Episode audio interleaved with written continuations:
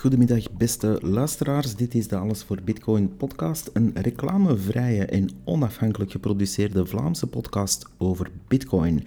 Je kan ons vinden op AVB Podcast. En dat staat natuurlijk voor Alles voor Bitcoin podcast. AVB Podcast op Twitter en coinos.io slash Alles voor Bitcoin. We zitten momenteel op blok 736.990. In Amerikaanse dollars is bitcoin 29.960 waard en in euro is dat 28.460. En dat is dan goed voor onze Big Mac-index van 6186 van die lekkere burgers. Oh, lekker, wel. De meningen kunnen verschillen natuurlijk. Het is maar een meetinstrument, uh, tenslotte. Welkom dus bij de podcast.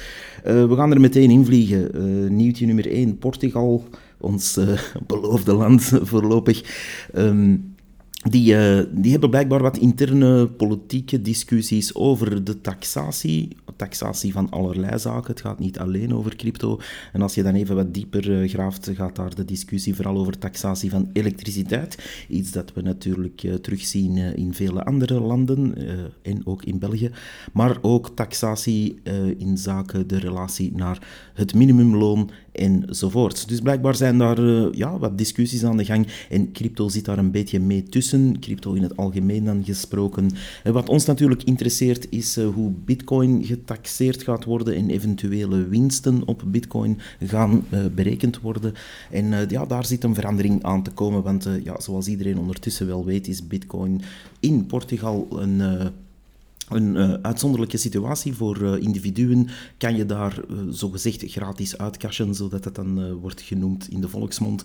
Nu, dat uitcashen, ja, dat is natuurlijk je, jezelf blootstellen aan terug meer fiat currency en de goede bitcoin eigenlijk opgeven om uh, meer te gaan uh, ja, eurotjes in je kas hebben. Dus uh, die vorm van uitkastje, zal ik maar zeggen, die wordt voortaan belast, al zijn ze er nog niet uit hoe en wanneer en met welke middelen. Dus daar is iets aan het rommelen in ieder geval.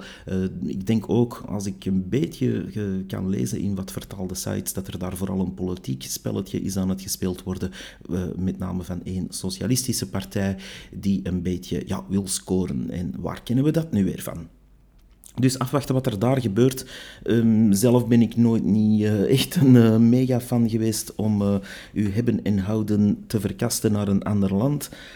want België heeft vele voordelen en is een prachtig land waar ik uiteraard van hou.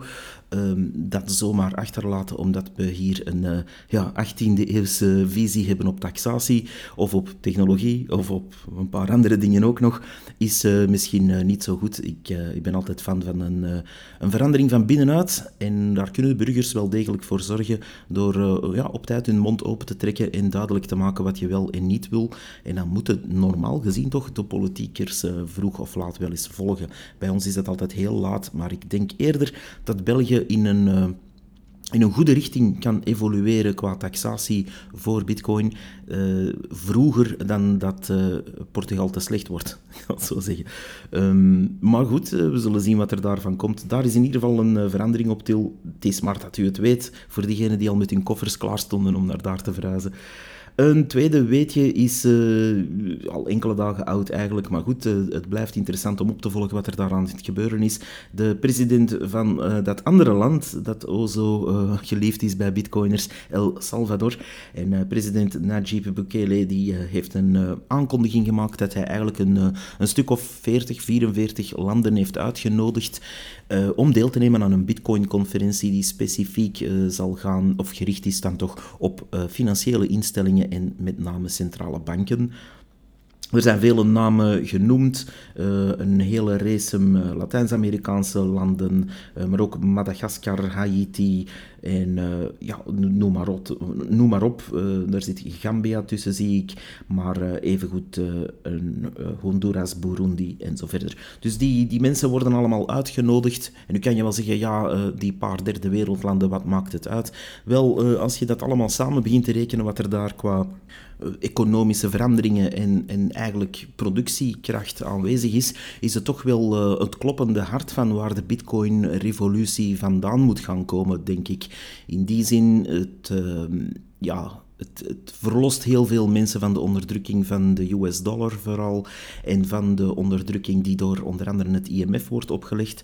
En op die manier eh, zal uh, president Bukele natuurlijk een, uh, een, mooie presentatie maken, ongetwijfeld, over hoe dat verder moet voor bepaalde landen. Dus we zien daar met volle moed dat ding tegemoet, want dat, dat zal natuurlijk veroorzaken dat er nog meer landen gaan kiezen voor de, ja, de route die ze eigenlijk moeten nemen volgens ons. En dat is natuurlijk uh, bitcoin implementeren binnen uw land en meer te gaan ja, uh, cultiveren, zal ik maar zeggen. Aan de andere kant is er in El Salvador zelf nog heel veel werk. Als je daarover leest, uh, dat is niet allemaal zo positief. Laat ons daar ook eerlijk over zijn. het is niet dat heel El Salvador momenteel op Bitcoin draait en dat iedereen daar onderling ook Bitcoin kan gebruiken zomaar. Dat is uh, absoluut niet het geval zelfs, maar het is natuurlijk wel officieel legal tender, zoals ze dat dan zeggen. En dat is natuurlijk uh, waar het om draait. Je moet ergens beginnen natuurlijk met Bitcoin te implementeren en uh, daar komen we straks trouwens nog op terug voor een ander onderwerp. Um, een derde puntje dat ik even snel wil aanhalen is alweer onze, ja, de villain van dit verhaal eigenlijk, de slechterik in onze Marvel film en dat is de, de EU-top. Nou, ik wil ze nu niet zo zwart maken, want daar gebeuren ook goede dingen qua regelgeving. Maar wanneer het aankomt op innovatie, encryptie, uh, bitcoin, dan, uh, ja, dan slaan ze toch meestal wel echt een dik modderfiguur en uh, gaan ze ronduit in een eh, richting die we ja, lichtjes totalitair kunnen gaan beginnen noemen. Die EU-top uh, uh, zet dus weer een stapje richting Sovjetstaat uh, door na de vrije transacties aan te vallen, het bankgeheim op te heven en encryptie te gaan afbouwen. gaan ze nu ook nog de Europese DNS aanvallen eigenlijk. En ja, natuurlijk is het zo dat elke provider en ook nog ja, gewoon bedrijven in het algemeen hun, hun DNS-services, dus het domain name system, dat die eigenlijk daarvoor gaan zorgen. Nu, uh, ja, ik daar niet te diep technisch op in, maar het is natuurlijk zo dat wanneer je bijvoorbeeld uh, bij Proximus of Telenet gewoon je aansluiting gebruikt zoals die wordt afgeleverd door de installateur, dan ga jij uh, bijna alle DNS-lookups die je doet, elke website die je dus eigenlijk bezoekt of elke service die je gebruikt, die gaat natuurlijk zijn domeinnaam gaan moeten vertalen naar een IP-adres. Dat is hoe DNS werkt en die DNS-server, dat is natuurlijk uh, diegene van Proximus of Telnet of wat je ook gebruikt. Um, nu, in Europa vinden ze dat niet zo fijn dat er meer en meer mensen uh, geëncrypteerde DNS'en beginnen gebruiken. Um, om niet te ver van het paadje van Bitcoin af te stappen, ga ik daar niet te diep op in. Maar laat ons zeggen dat je andere services ook kan gebruiken.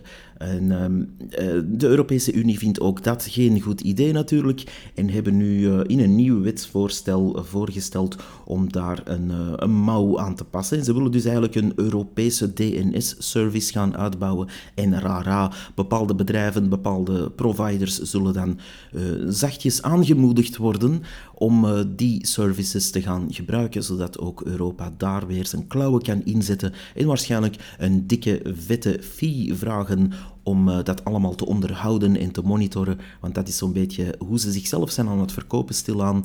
Uh, in al die recente voorstellen en in al die recente wetsvoorstellen zie je niet alleen een, de, de move naar een meer totalitair regelgeving. Maar aan de andere kant ook telkens een, uh, ja, een 4 tot zelfs 10 procent van de kosten die gewoon worden doorgeschoven naar de burgers en naar de privé en naar uh, de NGO's zelfs, om de boel te gaan onderhouden. Dus op een duur heb je een, uh, ja, een, Sovjet een Sovjet-achtig centraal systeem waar je dan uh, ook nog voor hun uh, achterlijke wetgeving mag gaan betalen voor van alles en nog wat. terwijl natuurlijk, ja, DNS is natuurlijk ook je vrijheid een beetje opgeven. Wanneer je verplicht wordt om de euro-DNS te gaan gebruiken, dan is ook dat weer een stukje vrijheid die langzaamaan wordt afgebouwd. misschien kunnen ze dan ook nog eventjes zo ver gaan om de Great Firewall van China hier na te bouwen in Europa. Ze kunnen dat dan meteen het ijzeren datagordijn noemen. Hey, hashtag ijzeren datagordijn. Um, het is natuurlijk wel uh, de bedoeling om die ene Europese DNS-provider te zijn met gedistributeerde servers overal en uh, om dan natuurlijk mooi te gaan filteren. Uh, want dat is natuurlijk om de mensen te beschermen, de kindjes te beschermen en u te behoeden van criminelen die natuurlijk anders geen enkele methode hebben om bij u te geraken, maar natuurlijk dat via de DNS doen volgens Europa. Maar wees gerust dus, het is Niet alleen om u te beschermen, het is ook om alles sneller en beter te maken, zoals altijd. Ehm, het is ook opvallend, en dat wil ik er toch even bij zeggen, dat een bedrijfje dat uh, zeer sterk gelinkt is aan een van onze eigen grote politieke partijen, uh, voor een zoveelste keer hiermee weer mee tussen zit. Een uh, bedrijfje uit Aartselaar trouwens. En die, uh, die, ja, die gaan natuurlijk ook uh, nu al de nodige search engine positie innemen om wanneer je zoekt in Europa naar veilige of encrypted DNS of wat dan ook, komt hun service daar naar boven. En ja, goed, ik ga er niet te diep op ingaan, maar laat ons zeggen in het kort, het is geen goede evolutie en ook geen goede keuze trouwens. Ik geef u zo dadelijk wel een goed alternatief. Maar um, ja, we zien dus waar het uh, naar opschuift. Uh, wanneer we dan ook zien dat de baas van datzelfde bedrijfje um, ook een vriend is van een Jan Jan Bon en toevallig ook met deze partij, of bij deze partij hoort en zetelt daarvoor, en meereist met allerlei handelsmissies, dan moet je natuurlijk niet ja, al te slim zijn om te zien wat er hier weer aan de hand is qua inmenging en qua uh, positie innemen. Dus uh, stilaan is men die DNS-markt dus ook aan het innemen en hebben ze natuurlijk overal hun lokale dienaren die die rol gaan spelen. Uh, je ziet het al gebeuren dat DNS-resolving achtereen dus ook wordt beheerd door Europa en dat je dan mooi met je government-app kan gaan betalen met je digitale CBDC-euro en dat dan uh, ja, niet alleen de winkel waar je shopt moet goedgekeurd zijn, niet alleen het product waar je uh, ja, een aankoop voor wil uh, regelen goedgekeurd moet gaan zijn, maar dat ook het geld zelf en zelfs de DNS-lookups allemaal een permissie moeten krijgen. in dat soort wereld willen we natuurlijk niet terechtkomen. ik wil nog altijd wel iets kunnen kopen wat, wat ik wil. En ik denk dat dat ook hoort bij de Europese vrijheid die we hebben. En uh, ja, dus uh, voor een goede DNS-resolving uh, raad ik momenteel een heleboel dingen aan, maar eh, eigenlijk de beste momenteel vind ik dns.sb. Ook te vinden via dot.sb.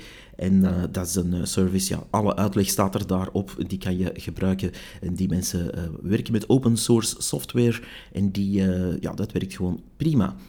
Um, je kan ook nog verder gaan met DNS-crypt, maar goed, dit is geen tech-podcast, dit laat ik over aan anderen, maar het hoort er wel eigenlijk bij. Als bitcoiner moet je je wel bewust zijn dat je meer en meer in een wereld gaat terechtkomen waar uh, de technologische voorsprong die je hebt niet alleen uh, om met bitcoin bezig te zijn of om je eigen node te draaien of wat dan ook, ook meer en meer belangrijk gaat worden in die strijd tegen uh, ja, de totalitaire regimes van deze wereld die elke brok data naar zich toe gaan willen trekken en die ook ten gelde willen gaan laten maken. Een vierde punt waar ik het over wil hebben is uh, de mensen van Coin Corner. En die hebben vandaag een beetje op Twitter lawaai gemaakt over de lancering van hun Bolt Card. En dat is geschreven B-O-L-T C-A-R-D, Bolt Card dus. En die, uh, ja, die Lightning Bolt Card, zal ik maar zeggen, dat is een, uh, uiteraard een kaart die uh, Lightning Network ja, enabled eigenlijk, maar contactloos. het werkt een beetje zoals je Visa-kaart of je bankcontactkaart nu, alleen moet je dat maar tegen een approved point-of-sale systeem houden om daar je Lightning-transactie mee te gaan doen. Dit kan opgeladen worden met Britse ponden, euro's en natuurlijk bitcoin. Maar uh, het is natuurlijk momenteel maar een uh, lancering. Uh, je hebt daar de compatibele point-of-sales kastjes nodig, dus de bankkastjes die in elke winkel liggen. Dus uh, dat moet daarmee compatibel zijn. Maar wie weet uh, integreert dat achtereen wel in meer van die bestaande POS-systemen. er zijn een heleboel providers daarvan en af en toe komt er daar wel een nieuwe dienst op. In ieder geval, zo'n kaart ziet er niet alleen heel leuk uit, um, het is ook iets heel nuttig wanneer je stilletjes aan ziet dat de eh, de betalingsmogelijkheden voor Bitcoin gaan uh, toenemen. En dat is natuurlijk momenteel nog uh, enkel maar op enkele locaties waar deze specifieke dienst wordt, wordt aangeboden of waar ze zo'n kastjes hebben, maar dat gaat snel uitbreiden, denk ik. het toont wel dat er meer en meer mogelijkheden zijn om zulke setup te gaan doen en om de legacy systemen, zeg maar Mastercard en in ons geval Bankcontact, stilletjes aan, ja, toch een, van een equivalent te voorzien. Uh, niet gecontroleerd door uh, bepaalde censuurbedrijven. Um, Wanneer dus de EU meer draconische maatregelen zal gaan uitrollen met hun Gov-app en met hun uh, goedgekeurde winkels en met hun digitale euro, dan kan je um, vechten tegen die diefstal van de digitale euro uh, door meer en meer te gaan nadenken over Lightning gebruik. En het is plezierig om te zien dat zo'n uh, innovatieve bedrijven zoals Coin Corner uh, wel degelijk iets doen om dat probleem van die fake centrale geldtoepassingen een beetje te gaan, ja, te gaan voorzien van tegenwerk. Um, nu, veel mensen hebben dat nog niet door natuurlijk en die gaan de digitale euro met open armen ontvangen, maar een beetje vrijheid wordt er dan weer afgenomen. Uh, en die laatste vrijheid, die gaan we niet zomaar afgeven. Uh, of je nu een trui wil kopen van een groot kledingmerk, of een hamburger, of een pot choco, of um, katten eten, of bitcoin. Uh, jij mag zelf wel kiezen wat jij met je geld doet. En daar heeft de EU eigenlijk weinig mee van doen. Als ze daar toch een een regelgeving gaan rondmaken, wordt het hoog tijd om zo'n bold card te gaan gebruiken, denk ik. En hoog tijd ook aan de winkelier hun kant en de, de winkeliers uh, en de supermarkten en noem maar op hun kant om zo'n ding neer te zetten. En niet alleen dat, je betaalt er geen abonnementsgeld op, uh, je gaat dat gewoon kunnen blijven gebruiken en dat is Lightning compatibel. Maar dat kan je zelfs met je smartphone nu doen, dus waarom niet? Ik zou zeggen, ik sta volledig achter dit project. Uiteraard moet je wel een volledige KYC doorlopen, wil je hun middleman diensten gaan gebruiken, maar in ieder geval is het ook wel op zich een, eh, een, stap in de goede richting om zulke kaarten te zien opduiken. Ik zou liever hebben dat dat uh, dan ook nog eens zonder de nodige KYC gaat. Voor zo'n kaart zelf is dat niet nodig, maar voor hun services verder te gebruiken wel. Um, maar goed, uh, alle kleine stapjes helpen in de juiste richting. En um, ja, tegen 2024 zal het uh, gedaan zijn met bepaalde vrijheden. Uh, en mag jij enkel nog braaf het geld, of het fake geld eigenlijk, gaan besteden aan wat de EU wilt waaraan je het besteedt. En dan kan je punten ook verliezen waarschijnlijk wanneer je dat niet doet. Niet zo met de Bolt Card of met andere Lightning-enabled kaarten die er ook nog ongetwijfeld gaan komen. Maar je kan ook gewoon Lightning zelf gebruiken en dan heeft niemand zaken met uh, jouw verhandelingen of met jouw transacties. En dan kan je eigenlijk met ja, echte waarde terug omruilen. Zoals uh, ja, cashgeld of gouden munten vroeger. Uh, dat je terug echt geld in je handen hebt en niet een of andere ja, beloofde munt die in digitale vorm in een government appje vastzit. En een laatste punt dat ik uh, wil maken uh, voor vandaag uh, gaat eigenlijk over een Belgische bank. af en toe testen we hier bij de. zowel alles voor Bitcoin podcast, maar ook mijn omgeving. Uh, een aantal zaken of een aantal diensten. En dan is het wel uh, heel knap de New B Bank, trouwens een zeer slechte naam, maar goed, dat is eigenlijk een coöperatieve bank in België. Uh, coöperatief in die zin dat er daar vakbonden, NGO's en allerlei eh, diensten mee tussen zitten, maar ook een groot deel van het publiek. Die daar ooit 25 euro hebben voor betaald om dat ding mee op te richten in volle financiële crisis. Daar waren toen kandidaten genoeg voor, waaronder ik zelf. Maar deze bank uh, had dus eigenlijk een goed idee van, kijk, we gaan een bank oprichten die niet uh, bij die grote megacorporations hoort, maar die gewoon op zichzelf staat en van de mensen en voor de mensen is. En dan merk je dus uh, dat er daar toch een aantal probleempjes zijn. Dus voor de bitcoiners vooral zou ik zeggen, blijf er zo ver mogelijk vandaan. En het experiment dat we deden was eigenlijk heel simpel. We gingen eigenlijk 50 euro van een grootbank overschrijven naar een niet nader te noemen bitcoin exchange. En die 50 euro daar hebben we verder niets mee gedaan en die hebben we de volgende dag overgeschreven naar een rekening bij uh, Newbie Bank op iemand zijn naam. En uh, ja, en inderdaad, enkele uren later al kregen we een e-mailtje, in het Frans trouwens, uh, dat deze transactie hen niet aanstond en dat die 50 euro terugging naar waar ze vandaan kwam, omdat het zogezegd iets met crypto te maken had. Oei, oei, oei. Dus dit soort bedrijven zijn geen commerciële bank, uiteraard, maar een soort van honeypot voor, uh, ja, ik weet niet wat je dat nog moet noemen, communisten of zo.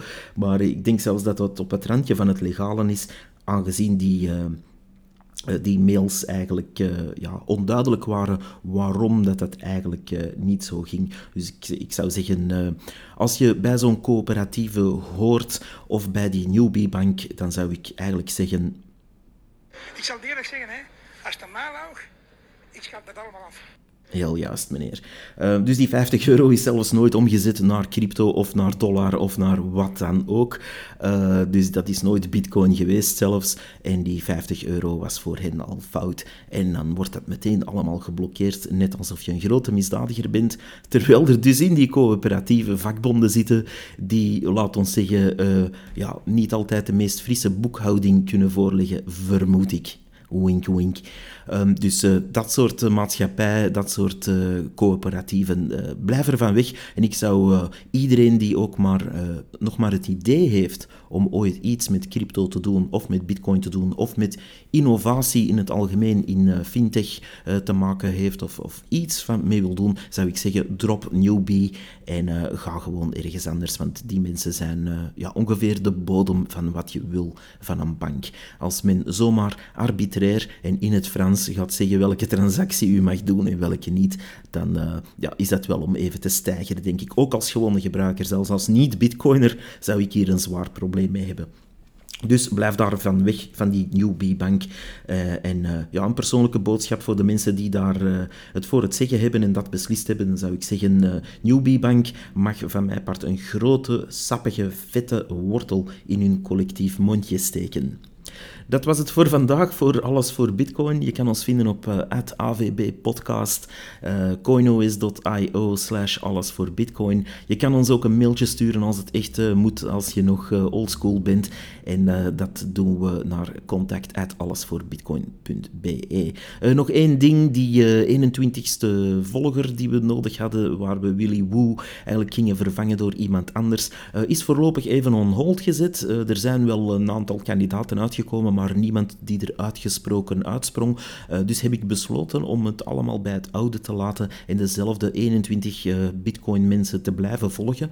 Uh, tot nader order zou ik zeggen, want uh, momenteel uh, mailt hij nog uh, nuttige dingen, dus waarom niet? We laten het bij het oude, omdat er niet echt een uitgesproken ja, betere kandidaat uitkwam. Al kwam Michael Saylor er een paar keer uit, maar goed, die, die zien we al genoeg passeren in andere YouTube-filmpjes, interviews en noem maar op. Die heeft publiek genoeg, maar ik wil die ook niet gaan bestempelen als zijnde de... de de een, van de 21 mensen die je absoluut moet volgen. Dus uh, voorlopig steekt dat eventjes in de ijskast, dat project. Uh, dat is ook niet zo dringend of bijzonder, dus dat laten we even zitten voor wat het is. in ieder geval, dit was hem voor vandaag, een snelle update. Zoals ik zei, er komen ook de komende weken wat interviews aan, die worden de volgende dagen afgenomen. En we gaan, we gaan eens kijken hoe dat loopt. En ik ben zeer benieuwd ook zelf hoe dat gaat gaan. En ik zou zeggen tot de volgende en keep on stacking those sats.